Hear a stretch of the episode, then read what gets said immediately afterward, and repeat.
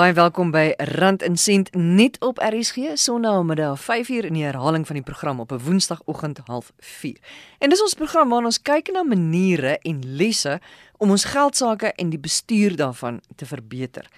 Nou internetbedrog is deel van elkeen van ons wat die internet gebruik of finansiële transaksies daarop doen se lewe. Dit kan ons baie geld kos.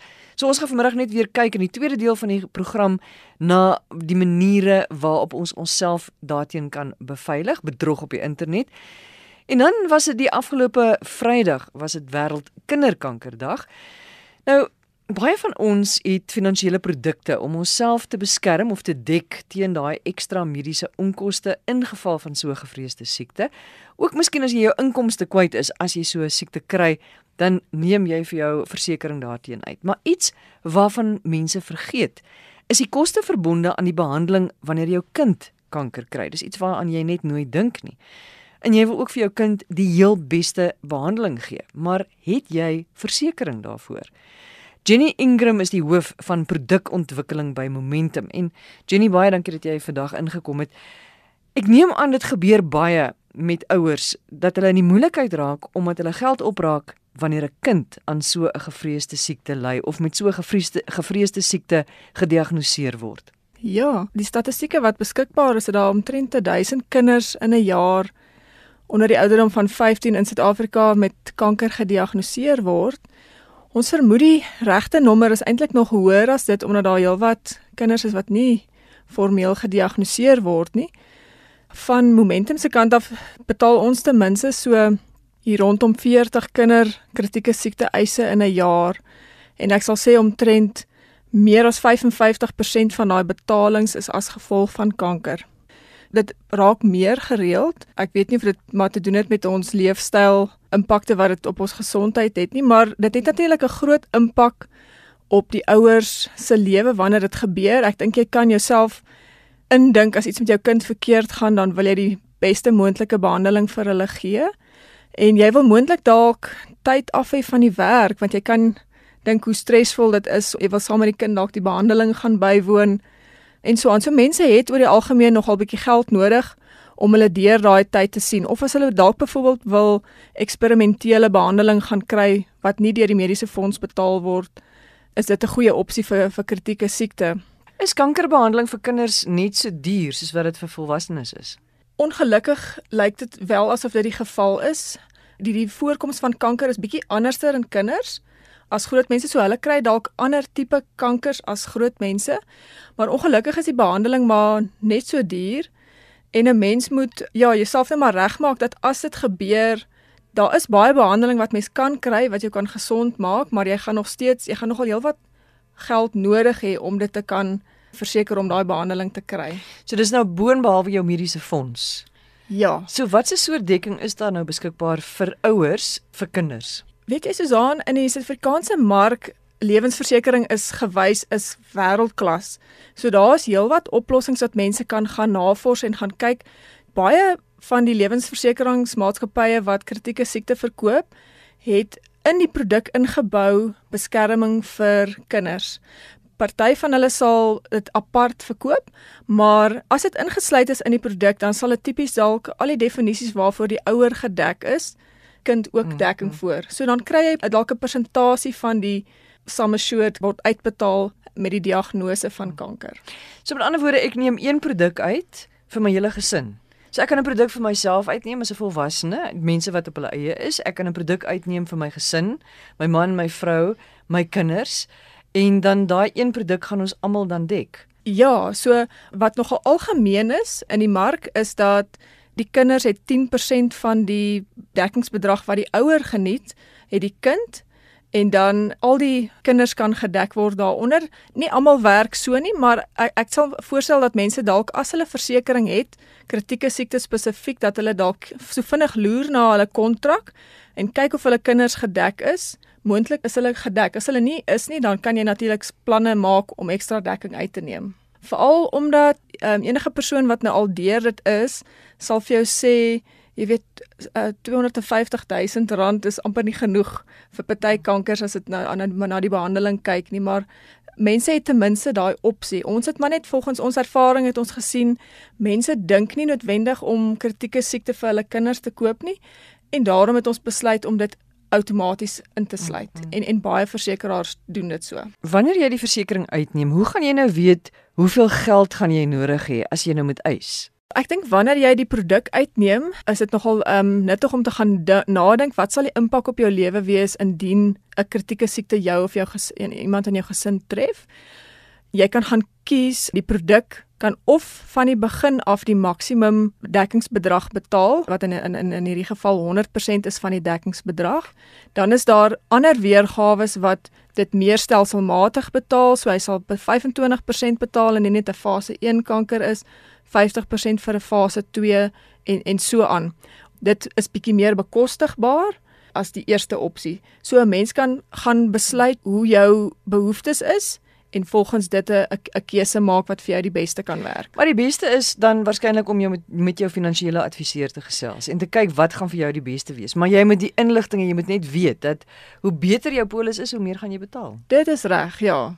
So jy het nou net nou gesê jy kan dekking kry vir die behandeling van die siekte en dan kan jy ook miskien dekking kry as jy as ouer wil afneem by die werk want jy wil daar wees vir jou kind en jy gaan nou nie jou salaris kry nie. Is dit verskillende dekkings wat jy moet uitneem? Twee heeltemal verskillende polisse wil ek amper sê. Daar's twee opsies. Op jou kritieke siekte het jy 'n sekere dekkingsbedrag en jy kry 'n persentasie van daai bedrag op grond van die ernstigheidsgraad van die eis. So jy kan besluit self hoe jy daai geld wil aanwend. Daar is opsies wat mense kan gaan na kyk wat op hulle inkomste beskermingsvoordele waar hulle kan bysit as hulle spesifiek hulle inkomste wil verseker in die geval waar waar so iets gebeur. Jy's nou 'n ouer, jy luister vanmiddag en jy het nooit daaraan gedink om om hierdie soort polis uit te neem nie. Wat is jou stap môreoggend, maandagooggend 8uur? Ek dink 'n mens kan gaan eerstens dalk gaan kyk na jou mediese fonds. Kritieke siekte is dalk nie bedoel om mediese fonds te vervang nie. Mense het nog steeds goeie gesondheidsorg nodig. Kritieke siekte kom in wanneer jy daai ekstra wil bereik. So ek sal gaan sê gaan kyk na jou mediese fonds en dan daarna gaan kyk het jy dalk kritieke siekte dekking by 'n versekeraar in die mark? Indien nie, dan sal ek sê gaan gaan gesels met met jou finansiële adviseur of gaan lees bietjie op op die verskillende versekeraars se webbladsye en kyk wat vir jou werk. 'n Mens hoef nie al die vers, baie detail te verstaan nie, maar maar 'n ou wil weet tipies van watse ouderdom af word die kinders gedek? Is dit van ouderdom van geboorte af? Dit is geboorte af tot ouderdom 18. Dit is so half bietjie die norm. Party versekerings mag dalk eers van ouderdom 1 af hulle dek. Dan vat jy dit van daar af, maar ek dink 'n goeie gesprek met jou finansiële adviseur kan al 'n lang pad gaan vir alles mens kinders het en jy is bang dat hierdie kan gebeur. Jy het dit nou so 'n bietjie beantwoord in jou in jou antwoord, maar wanneer is dit 'n goeie tyd om te gaan sit en en hierdie uit te neem? Ons sien nogal baie mense neem dekking uit wanneer hulle uitvind hulle is swanger. As iemand nou reeds in jou gesin siek is, kan jy dit dan nog steeds uitneem of is dit dan te laat? Ek dink die onderskrywing en versekerings het deesdae al hoe beter geword sodat daar is baie keer dekking ten spyte van bestaande kondisies wat mense het, selfs selfs iets soos kanker. So ek dink 'n mens moet nooit opgee nie. Ek dink mens moet nog steeds probeer want daar is 'n goeie kans dat jy wel dekking sal kry. Is daar 'n wagperiode so 6 maande nadat jy die die dekking uitgeneem het? Op lewensversekering in meeste gevalle is dit eintlik hulle doen die onderskrywing aan die begin en dan geniet jy jou dekking dadelik. Tipies produkte waar daar geen onderskrywing is nie, mag daar dalk 'n wagperiode wees, maar dis eintlik meer die norm van die groot maatskappye om die onderskrywing aan die begin te doen en dan geniet jy jou dekking van die eerste dag af wat dit aanvaar word. Gou jou onderskrywing, wat beteken onderskrywing? Onderskrywing is maar die proses waar die versekeraar die risiko assesseer. So hulle vra vir jou 'n paar vrae en jy antwoord en dan op grond daarvan besluit hulle is jy 'n standaard risiko of as jy is daar risiko meer risiko verbonde so jy het 'n belading hulle besluit amper op die terme waarop hulle die risiko op die boeke neem. En moet jy gaan vir 'n mediese ondersoek voordat jy dit uitneem of nie? Ek sal sê vir kritieke siekte, ehm um, die ouers sal hulle 'n paar toetse doen, maar oor die algemeen as jy redelik jonk en gesond is, is daar baie min toetse. Dit hang maar baie af van hoe groot hulle bedrag dekking jy wil uitneem, maar baie keer vir die kinders, as die kinders outomaties ingesluit is, is daar vir hulle geen onderskrywing nie, want dit is maar moeilik om vir kinders te stuur vir bloedtoetse en So die meeste maatskappye vermy daai en die dek kinders is ingesluit sonder dat daar onderskrywing plaasgevind het. Is daar iets wat jy nou weet uit ervaring uit wat belangrik is wat ouers moet weet rondom hierdie gevreesde siekte of kritieke siekte dekking? Ja, ag Susan, dis nog 'n komplekse produk ongelukkig, maar ek dink dit is dalk net nodig om te weet dat kritieke siekte tipies nou vir kanker betaal op 'n daar's baie spesifieke definisies wanneer dit betaal word. So tipies teen die tyd dat as jy met kanker gediagnoseer word, sal hulle vereis dat die die versekeraar sal vra wat daar's 'n definisie. Hulle sal moet verstaan wat is die fase van die kanker, wat is die histologie, so jy kom al so 'n bietjie van 'n proses en dan kan hulle die eis valideer. So dit betaal nie vinnig net as jy's jy's nou siek nie. Daar's baie spesifieke definisies. En soos ek sê die die die mark is verskriklik kompeterend en wêreldklas. So die definisies in Suid-Afrika is baie goed. Die dekking is baie breed. So ek dink dit is maar net om om min of meer 'n idee te hê van wanneer hoe werk jou produk. Dit sal al 'n lang pad gaan. Baie dankie Jenny Ingram en Jenny is die hoof van produkontwikkeling by Momentum. Donovan Maree is 'n tegniese produkintegrasie bestuurder by Sage by SA. En dan in twee Sondae gelede het ons gepraat oor toepassings om betalingsgouer te kan doen. Vandag is dit internetbedrog. Want soos wat dit beveilig word en nuwe stelsels kom om dinge veiliger te hou, dink die skelms nuwe maniere uit om ons geld en ons inligting te bekom. Watter statistieke het jy daaroor? Die onlangse statistieke wat deur SABRIC, die Suid-Afrikaanse Bank Risiko Informasiesentrum vrygestel is, en dit is oor 8 maande gemeet in 2018, is dat 55% van alle bankbedrog internetbankwese gedrewe was, en dit is met 'n totale waarde van meer as 250 miljoen rand wat verlore is. Daar is omtrent 1450 klagtes net in 8 maande se tyd aangegee in verband met internetbankwese bedrog. Wat is die oorsake daarvan? Ek sê dit vind plaas hoofsaaklik as gevolg van nalatigheid. Mense wat nie versigtig is met hul gebruikernaam, wagwoorde, pinkodes nie. Mense wat dit goed neerskryf op 'n geel post-it papiertjie en teen sy internetskerm vasplak en dit mag snaaks klink, maar jy kry mense wat dit wel doen. Dan kry mens ook wat hulle noem phishing. Nou dit is presies wat die woord sê, visvang, maar jy as die gebruiker is die vis. So daar's mense daar buite wat 'n e-pos of 'n SMS uitstuur wat sê jy weet klik op hierdie link, jou bankbesonderhede het verander, jy moet dit bevestig. Mense klik daarop, kyk nie wat hulle doen nie en so ontvang daai skelm dan al jou jou details. Nog 'n manier wat dit gebeur is met kaping sagteware of in Engels soos wat hulle sê malware. Dit is sagteware wat geïnstalleer word teen teen een deur 'n produk wat jy afgelaai het of 'n programmetjie wat jy afgelaai het en dan installeer hierdie kaping sagteware in die agtergrond. En wat dit doen is dit neem elke sleutel wat jy intik op jou selfoon of op jou rekenaar se sleutelbord, neem dit dit basies op en gee dit vir die persoon aan die agterkant. So as hy sien jy gaan na www.bank.co.za toe en die volgende ding wat jy tik is jou naam, die een daarna is jou van met 'n datum en dan 'n 6 digit kode, dan weet jy presies wat jou internetbankwese login details is. Die laaste een en dit is een van die grootste bedrog veroorsaak het laas jaar is wat hulle noem 'n sim swap of 'n sim ruil. Dit gebeur dat byvoorbeeld 'n syndikaat kry van jou inligting in die hande byvoorbeeld 'n water en ligte rekening. Jy weet wat jou naam is, jy weet wat jou adres is. Dan gaan hulle nie self in winkel toe en hulle sê vir die ouens, "Luister, ek het my selfoon verloor. Hier's bewys my adres." Hulle 10 teen 1 'n vervalste ID-dokument. Ek soek 'n nuwe SIM-nommer. Die selfoonwinkel sluit jou huidige SIM af, gee hulle 'n nuwe SIM en daar kan hulle al die inligting dan van die bank af kry. Byvoorbeeld, 'n SMS van die bank af wat deurkom met 'n OTP as hulle jou kredietkaart besonderhede het en ek weet meeste van ons lees ons kredietkaartstate en gaan gooi dit in die drom mense is veronderstel maar goed of te verbrand of te versnipper of veilig te bære. Jou kredietkaartnommer is daarop. En as jy jou kredietkaartnommer, die vervaldatum en die kode agter op die kredietkaart het, gaan ek na 'n webwerf toe, ek koop my vliegtuigkaartjie en die bank stuur my OTP na my foon toe. Nou as hulle my SIM swap en my foon gesim swap het, dan kan hulle daai OTP kry en die transaksie magtig. Maar ek gaan agterkom dat daar 'n SIM ruiling was, want dan gaan ek mos nie my telefoon meer kan gebruik nie of nie. Korrek, ja, jy gaan nie jou foon kan gebruik nie, maar hulle is ook skelm, hulle doen dit laat in die middag sodat hulle deur die nag werk. Jy gaan nie altyd in die middel van die nag jou selfoon gebruik nie. So môre as jy wakker word en jou selfoon werk nie, dan vat dit jou 'n goeie uur of 2 in verkeer afhangende van waar jy is om by die selfoonwinkel uit te kom en teen daai tyd het hulle reeds geld uit jou rekening uitgetrek. En hoe veilig is jy dan by die bank? Sal die bank vir jou daai geld teruggee? Weet jy dit hang af van wat die die omstandighede raak in die transaksie is Laas jaar was daar 'n klomp klagtes gewees, soos ek genoem het, 1450 plus klagtes wat aan die bankombudsman gerig is en 80% van daardie gevalle was gebruikersfout geweest waar mense net nalatig was mm. en dan gaan die bank jou nie terugbetaal nie. Maar as die bank kan bevind dat luister hier, daar is fout of daar's iets aan hulle kant wat hulle kon gedoen het of iets het iewers verkeerd gegaan as gevolg van hulle proses, ja, dan sal hulle jou terugbetaal. Nou wat kan ek dan nou doen as ek nou so gevang word? Weet jy die eerste ding wat jy moet doen is gaan na jou bank en sê vir luister, hier's 'n probleem, dis wat gebeur het. Ek het 'n SIM swap gehad. Hier is 'n brief van my selfoonoperateur se netwerk om te sê dit is wat gebeur het. Ek was nie bewus hiervan gewees nie. As jy dan nie gelukkig is met die antwoord wat die bank jou gee nie, dan kan jy na die ombudsman van bankdienste toe gaan. Dis 'n organisasie wat gestig is deur die banke en befonds word deur die banke, maar wat daar is om die gebruiker te dien en ook te kyk na die bankwese industrie dat almal geregverdig en geregtig handel dryf.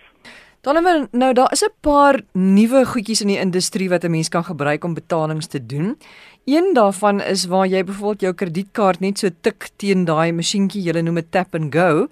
Hmm. En dan is daar ook 'n hele paar ander. Daai tap and go is verskriklik gerieflik, maar is dit nie ook baie gevaarlik nie?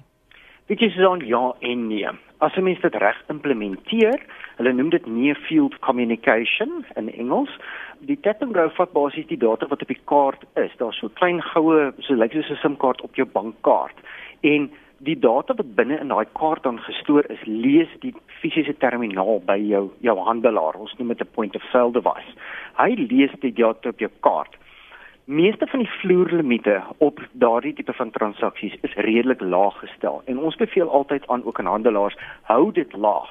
Dis makliker om R200 af te skryf as om R20000 af te skryf. Van daardie terminale ook wat hoër limiete het, soos jou groter handelaars het natuurlik hoër limiete, sny outomaties by 'n bedrag af en dan vra jy nog steeds vir 'n PIN. So as jy iets vir R50 koop of R100 koop en jy gebruik jou tap and go, dan gaan jy nie vir pin vra nie. Maar as jy iets vir R1000 gaan koop, dan gaan jy vir sê, "Ag, ah, jy het getrap en gou sit nog steeds jou pin in om seker te maak ons weet wie jy is." Die tap and go stelsel deur die wat deur die banke bedryf word ook tel ook op hoeveel transaksies op daardie basis gedoen word binne 'n tydperk. En hy sal ook afsluit as hulle agterkom hier's nou te veel transaksies wat in 'n kort tydperk geprosesseer word. En intussen moet jy sorg dat jou bank jou telefoonnommer het sodat elke ja. transaksie wat van jou rekening afgaan moet hulle vir jou verwittig van, nê? Nee. Definitief. Maak seker jou bank het jou regte selfoonnommer en jou regte e-posadres. Ek weet ons vervang baie keer selfoonnommers weens verskeie redes. Laat jou bank eers te weet. Hoorie, my selfoonnommer het verander. As iets op jou bankrekening gebeur dat hulle jou kan verwittig daarvan. Die verskillende selfone het dan ook maniere of toepassings wat ja. jy kan gebruik om te betaal. Wat is dit ja. alles? ja, daar's die Apple toestelle wat Apple Pay gebruik en die Android wat Samsung Pay gebruik. Dis baie populêr veral oor see. Dit het onlangs eers sy kop uitgesteek in Suid-Afrika, maar dit word gebruik ook. En hoe dit basies werk, is jy stoor jou kredietkaart details in 'n veilige toepassing op die slimfoon. So jou kaartnommer, sy vervaldatum, die 3 digits agter op die kaart ensovoorts storie in 'n toepassing op jou slimfoon in 'n veilige omgewing. En as jy dan wil betaal, wys jy net jou slimfoon vir die terminaal en hy debiteer dan jou rekening met dit. Ja, nou veilig is dit en wat as iemand jou slimfoon gaps en met al daai inligting die pad vat? dit is veilig. Dit is so veilig as om jou beursie te hê. Jy kan jou beursie ook verloor. Um slimfone het almal wagwoorde op deesdae. Dit is dit word ten sterkste aanbeveel dat jy 'n wagwoord of 'n gebruikerskode intik of jy weet die nuwe Apple fone werk almal op op gesigsherkenning. So hulle kan jou gesig kyk. Moenie net daarop reageer nie. Apple Pay en Samsung Pay is juis so ontwikkel ook dat jy kan nie in die slimfoon toepassing ingaan sonder wagwoord nie. So hy het 'n eie wagwoord wat jy moet intik voordat jy die transaksie kan doen. Daar is ook natuurlik limite wat daai daai transaksies toestaan. So as jy 'n transaksie van te hoë limiet wil doen, dan gaan hy vir jou vra vir jou pinkode om dit ook in te tik. Maar daai versoek kom van die bank af. Dit kom nie van die slimfoon toepassing af nie. Donovan, verfris net weer ons geheue. 'n Paar goed wat ons in plek moet hê, veiligheidsmaatreëls om te voorkom dat hierdie bedrog in ons daaglikse internethandelings plaasvind. Man, Susan, ek dink die eerste en die belangrikste een is gebruik wat die Engelse sê common sense. Moenie gaan goed doen as jy weet hier is 'n kans dat ek gevang kan word nie. As ons gaan kyk na hoe die industrie werk en hoe ons as as mense werk, is daar is daar baie draadloose internet by winkels. Dis gerieflik ja, maar dit is nie gemaak om internetbankwese te doen en konfidensiële inligting rond te stuur nie. Dis hoekom meeste van hulle oop is nie, het nie 'n wagwoord nodig nie.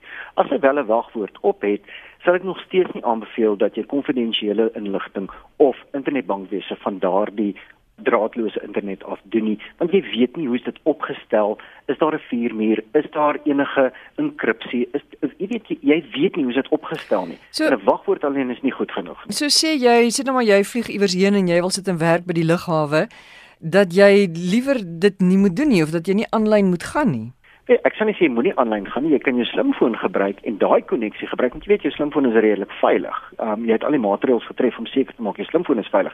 Ek sal nie die die draadloose internet gebruik by 'n lughawe om my internetbankwese op te doen nie. Want jy weet nie wie sit daar agter en aanvaar jou details nie. Dit is ook redelik maklik om hulle noem dit 'n router wat die internet dan versprei om 'n router op te stel en vir hom die naam te gee van Johannesburg Internasionale Lughawe. Hoe gaan jy weet of dit regtig Johannesburg hmm. Internasionale Lughawe se router is van wie jy konnekteer? So ek sal altyd vir mense sê, weet jy wat, as jy wil konfidensiële inligting of internetbankwese doen, doen dit by die huis want daar weet jy jou netwerk is veilig hopelik. Doen dit by die werk want meeste maatskappye het vier mure en enkripsie en dit is op 'n vaste draadrekenaar. Daar's nie iemand wat dit kan inneem tussenin nie. En dan die laaste ding is kry vir jou antivirus en antisleutelopname of malware sagte ware op jou rekenaar en op jou slimfoon om seker te maak iemand sit nie daar agter in die kuberruimte en steel jou inligting nie. Is daar nog 'n paar punte wat ons van bewus ja. moet wees net baie kortliks? Ja, daar's internetkafees of rekenaars wat by instansies soos byvoorbeeld die lughawe neergesit is vir gebruik vir gebruikers moenie daai goed gebruik vir konfidensiële inligting. Jy weet nie wat se sleutelopname sagteware daar dalk mag wees op daai rekenaar nie. Gebruik jou eie toestel, dis altyd veiliger. En dan, jy weet, moenie sagteware vir al die gratis sagteware aflaai van die internet af nie, want daar is baie keer in daardie sagteware sleutelopname sagteware agter ingesit. Jy gaan nie eens weet dis daar nie. So maak seker jy het antisleutelopname sagteware en antivirus sagteware op jou foon of op jou rekenaar. Dan ook hou hou altyd jou rekenaar se sagteware op datum.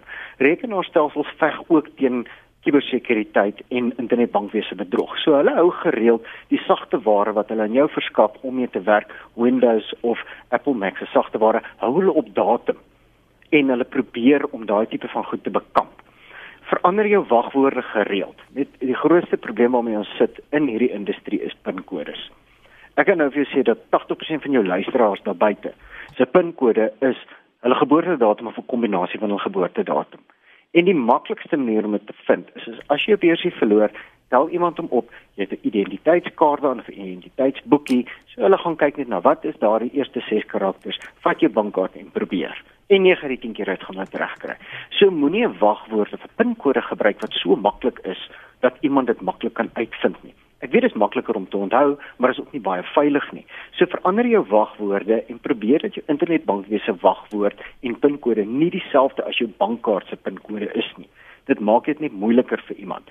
Die ander ding is teken af van die internetbankwese se webwerf af as jy klaar is. Dis nie genoeg om net die venster toe te maak nie hy hardloop nog steeds in die agtergrond. Ja. So en 'n mens fisies af. En 'n mens vergeet baie keer as jy sit van inteken in jou in jou bankrekening, dan vergeet jy om weer uit te teken. Jy weet of ja. te ja, uit te log soos hulle sê. Dis dan ek was al by by Kaapstad Lughawe gewees daar in in een van die die plekke daar waar daar oop rekenaars was en daar het 'n persoon opgestaan en weggeloop van die rekenaar, plaas hy internetbankwese gedoen en hy het die skerm oopgelos, hy het nie afgeteken nie. So toe ek gaan nie, ou gaan tik op sy skerm en sê, "Ag, hey, jou internetbankwese is oop. Maak toe." Die man het groot geskrik en het onmiddellik gaan toemaak, maar so het hy geleer. Ek kon maklik gegaan het en geld gaan oorplaas op hmm. sy rekening uit. So mense moet bedag wees daarop, selfs op jou slimfoon. As jy die slimfoon toepassing gebruik om die internetbankwese te gebruik, daar is 'n knoppie, hulle noem hom log off. Klik op hom sodat hy die sessie kan beëindig en die bank weet jy's nou klaar. As daar dan iets daarna deurkom, dan is dit bedrog. En dit is Donovan Maree, hy's 'n tegniese produkintegrasiebestuurder by SagePay SA. Ons gaan ook nog met hom praat oor debietorders en wat nuut is in die wêreld van debietorders. Dit is ons uh, program vir vandag. Onthou www.rsg.co.za as jy weer wil gaan luister, stuur vir my 'n e-pos as jy vra of voorstelle het, stein@gmail.com. En ons maak volgende Sondagmiddag 5uur weer so. Ek hoop is 'n mooi week vir jou wat voorlê. Totsiens.